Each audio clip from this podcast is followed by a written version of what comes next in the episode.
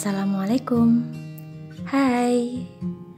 Balik lagi sama aku Di podcast Ruang Sunyi.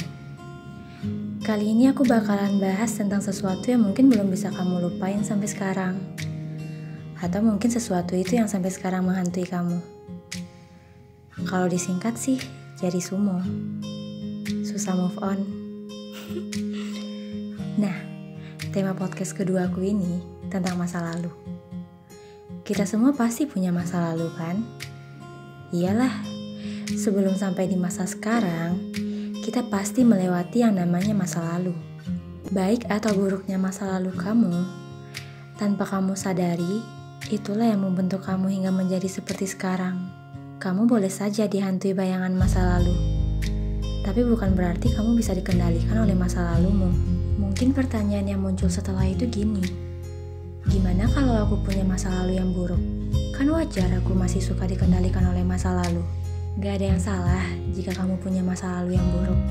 Jika dengan keburukan di masa lalu itulah yang membuat kamu menjadi lebih baik hari ini. Seburuk apa pun masa lalu kamu, kamu berhak untuk menjadi lebih baik. Justru yang buruk itu adalah ketika hari ini kamu malah menjadi lebih buruk lagi daripada masa lalumu. Nah, Sesuai tema kali ini, aku rasa beberapa di antara kamu mungkin ada yang belum bisa move on dari masa lalu. Eits, jangan sedih gitu dong. Gak apa-apa kamu gak bisa lupa. Karena memang kenangan di masa lalu itu akan selalu ada.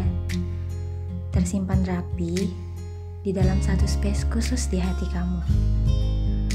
Sekeras apa pun kamu berjuang buat ngelupain masa lalu yang menurut kamu kelam, itu malah bikin kamu semakin menyalahkan keadaan.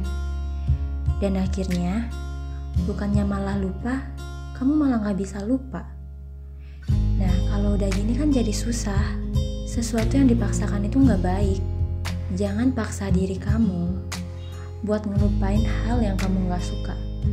Cukup ikhlasin aja. Ketika kamu ikhlas, gak bakalan ada rasa sakit walaupun kamu belum bisa lupa.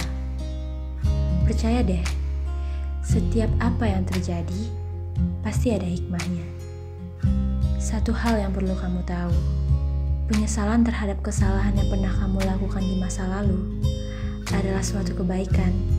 Ketika dengan mengingat segala kesalahan yang pernah kamu lakukan, membuat hatimu bersedih dan menyesal, itu justru malah lebih baik daripada kamu merasa tidak bersalah sama sekali.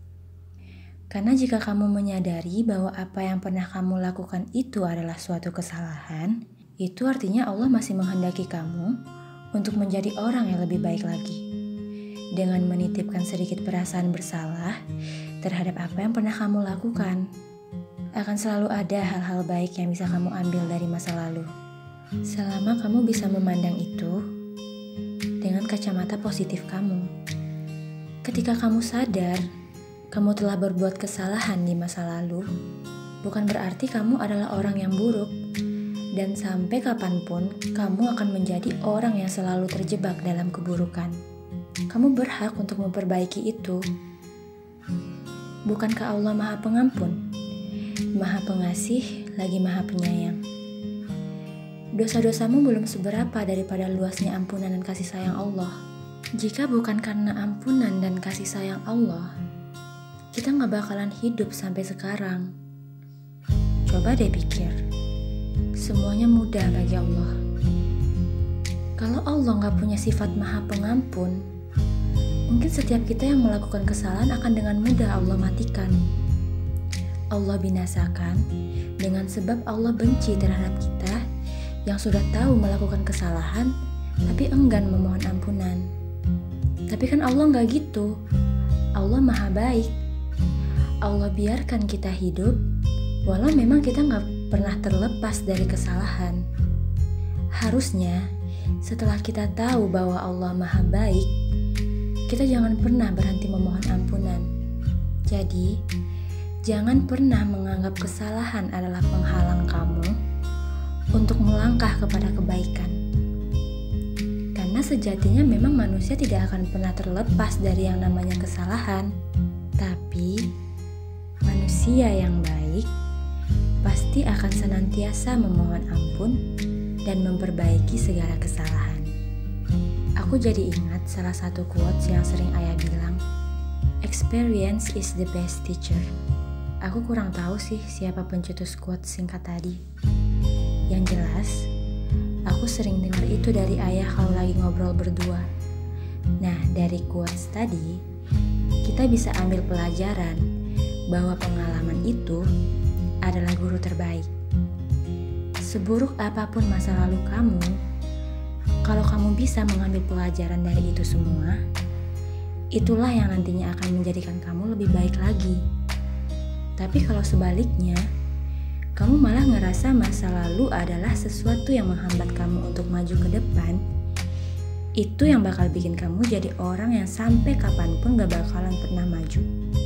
Percaya deh, karena kamu gak pernah mau melangkah ke depan dengan alasan separuh diri kamu masih tertinggal dalam kenangan masa lalu.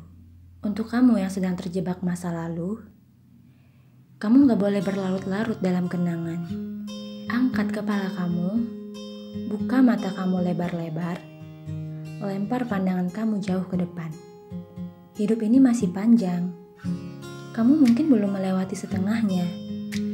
Masih ada kok hal-hal yang lebih indah di depan sana selama kamu percaya bahwa kamu pantas untuk kemungkinan-kemungkinan baik itu. Yakinlah, akan selalu ada hal-hal baik setelah hal buruk yang kamu hadapi. Selama kamu percaya dan melibatkan Allah dalam setiap situasi. Sekian podcast kedua aku.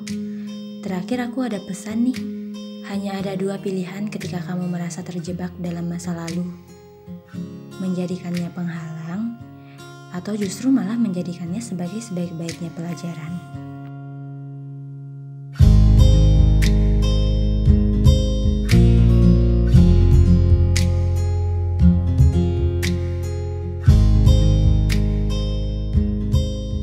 Sampai jumpa di podcast selanjutnya.